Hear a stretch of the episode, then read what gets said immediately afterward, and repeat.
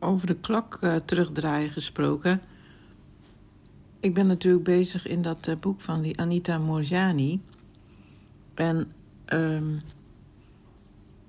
het is een heel, heel vreemd, um, vreemde gewaarwording dat uh, eigenlijk zegt zij de hele tijd, en zij is niet de enige, ook hoor ik dat van anderen, um, dat de, de tijd eigenlijk niet bestaat. En dus dat dat een, een concept is, uh, ja, wat een mens een soort van uh, gecreëerd heeft of zo, of bedacht. Maar in ieder geval, omdat zij natuurlijk uh, aan de energetische kant van het leven is geweest, om het maar zo te zeggen, heeft ze gezien dat alles tegelijkertijd er is. En dat heb ik al heel vaak gehoord en, en uh, gelezen. Maar ja, dat, dat is zo moeilijk om daar, daar um, ja, hoe noem je dat, een beetje grip op te krijgen of dat een beetje te snappen. En, um, maar wat, wat me nu, wat nu steeds door me heen gaat, is, um, kijk, we zeggen bijvoorbeeld wel, het, het universum of de kosmos of zo dijt steeds verder uit. Hè? Dus, en dan denken we, of ja, weet ik veel denken, ik zeg maar even uh, wat woorden, maar we gaan ervan uit dat dat vanzelf gaat. Um, maar um, we gaan er niet uh, vanuit dat wij zelf als mens ook uh, groeien. Uh, ik bedoel dat het vanzelf gaat, dat, het van, dat we vanzelf groeien. En we denken dan dat daar een lineair verloop in is van in dit leven hebben we lessen te leren en ontwikkelen we ons en worden we steeds beter in dit of dat. Of komen we steeds dichter bij onszelf.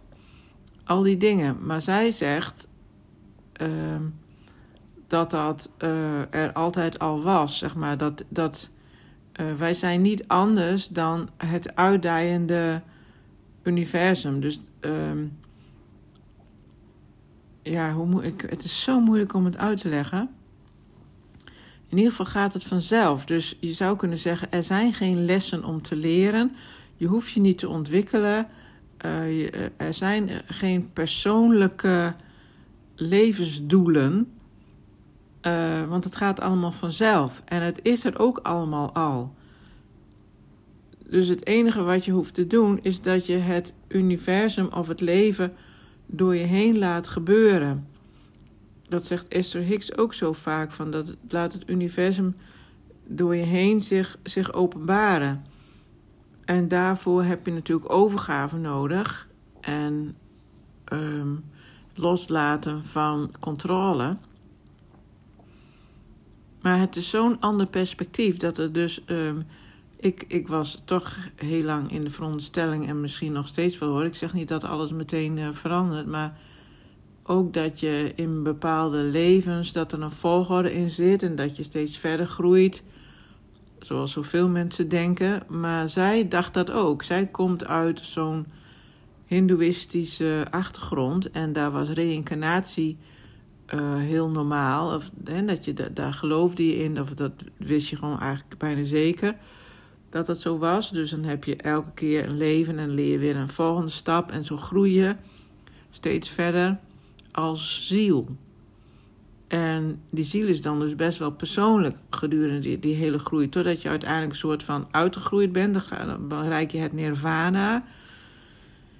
En dan um, ja, dan, dan val je eigenlijk weer samen met het grote geheel. Dus wat wij wel eens de energiesoep hebben genoemd. Hè? Dus dan, ja, dan, dan is dat ene stukje van die energiesoep heeft een ontwikkeling doorgemaakt. Zij noemt dat een facet. Dus wij zijn allemaal facetten van het geheel. Maar zij zegt nu uh, dat zij daar is geweest, dat ze dus alles heeft gezien op hetzelfde moment. Dus, dus de middeleeuwen of de, de toekomst of wat dan ook, dat, dat is een onzinverhaal. Dat is er, eigenlijk is alles er omdat in, het, in de, die energie bestaat alles al. Er gebeurt hier niks nieuws. Um, ja, dus dat is natuurlijk.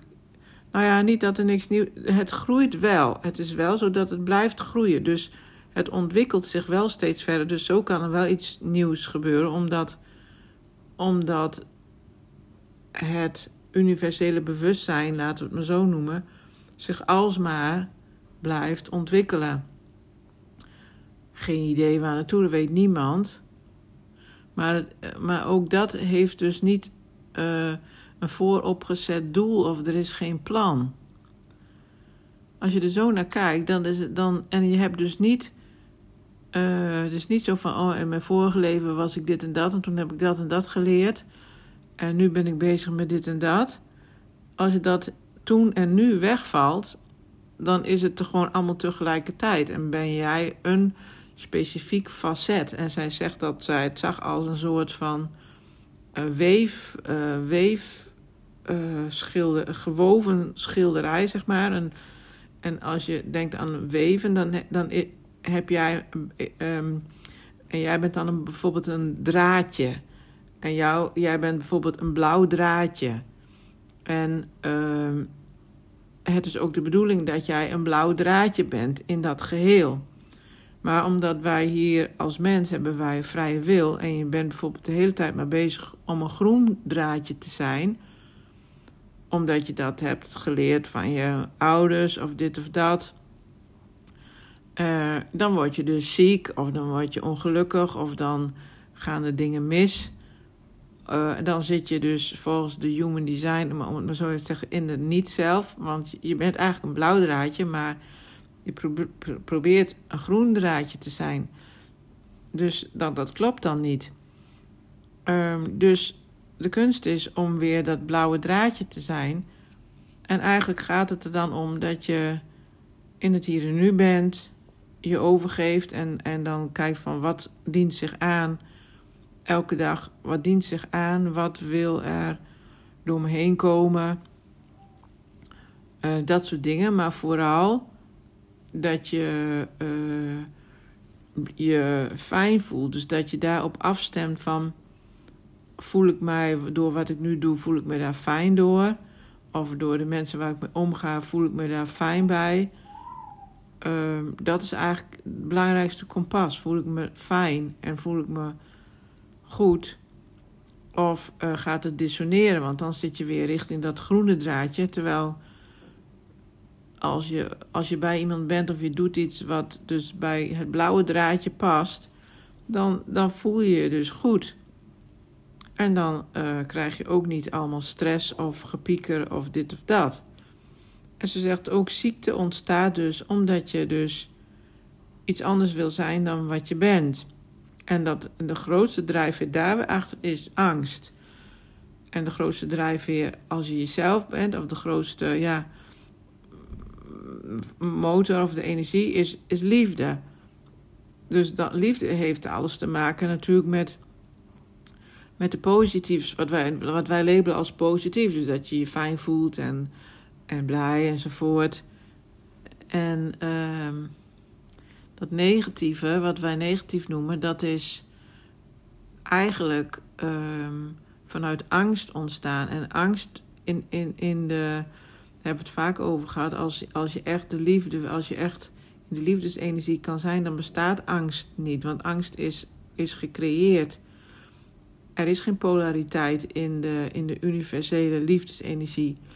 Dus angst uh, is eigenlijk gewoon niet echt. Dat, dat, dat is ontstaan vanuit allerlei ideeën die wij erop nahouden. En um, als je kijkt dat um, een dier, bijvoorbeeld een huisdier die veel bij jou is en je zit in een, in een energie die eigenlijk niet goed voor je is, of je doet dingen waardoor je je niet goed voelt enzovoort, dan kan dat dier zelfs daar ziek van worden. Want een dier stemt zich heel erg af op jouw energie. En uh, ja, daar, zou je dus eigenlijk aan kunnen zien van... Goh, wat is er met mij aan de hand? En zo doen, doen ze dat dus ook die diercommunicatie mensen, die doen dat ook. Als er iets met een dier is, dan ga ik heb het een keertje gedaan met een kat. Zo'n diercommunicatie mevrouw uh, geraadpleegd. Maar die ging eigenlijk alleen maar met mij aan de slag. Echt heel grappig. En, en uh, die Stef Freriks, volgens mij heb ik daar ook wel eens een keer wat over verteld. Als dan die koeien uh, niet gemolken willen worden of, of die willen niet in, in, op een bepaalde plek in de stal staan, er is iets aan de hand of ze zijn ziek of wat dan ook, dan gaat Stef niet met die koeien aan de gang, die gaat met de boer aan de gang of met de energie die in de grond is of er is ergens een spanning en die lost hij op en dan zijn die koeien ook weer in orde. Nou, een hele ratelverhaal van mij, maar ik ben ik, dit is gewoon omdat ik het zelf even dan. Uh, ik moet het zelf, mezelf even horen zeggen. Ja, het is gewoon een heel leuk uh, nieuw concept, zeg maar. Dat, stel nou dat je helemaal geen lessen hebt te leren en geen doel hebt. Eigenlijk heb ik dat gevoel altijd al, omdat ik het niet kan vinden. Maar misschien hoef ik dat dus ook niet te vinden. Dat lijkt me dan zo'n fijn idee. Dus, ja, ik ben heel enthousiast. Nou, dat was mijn braindump.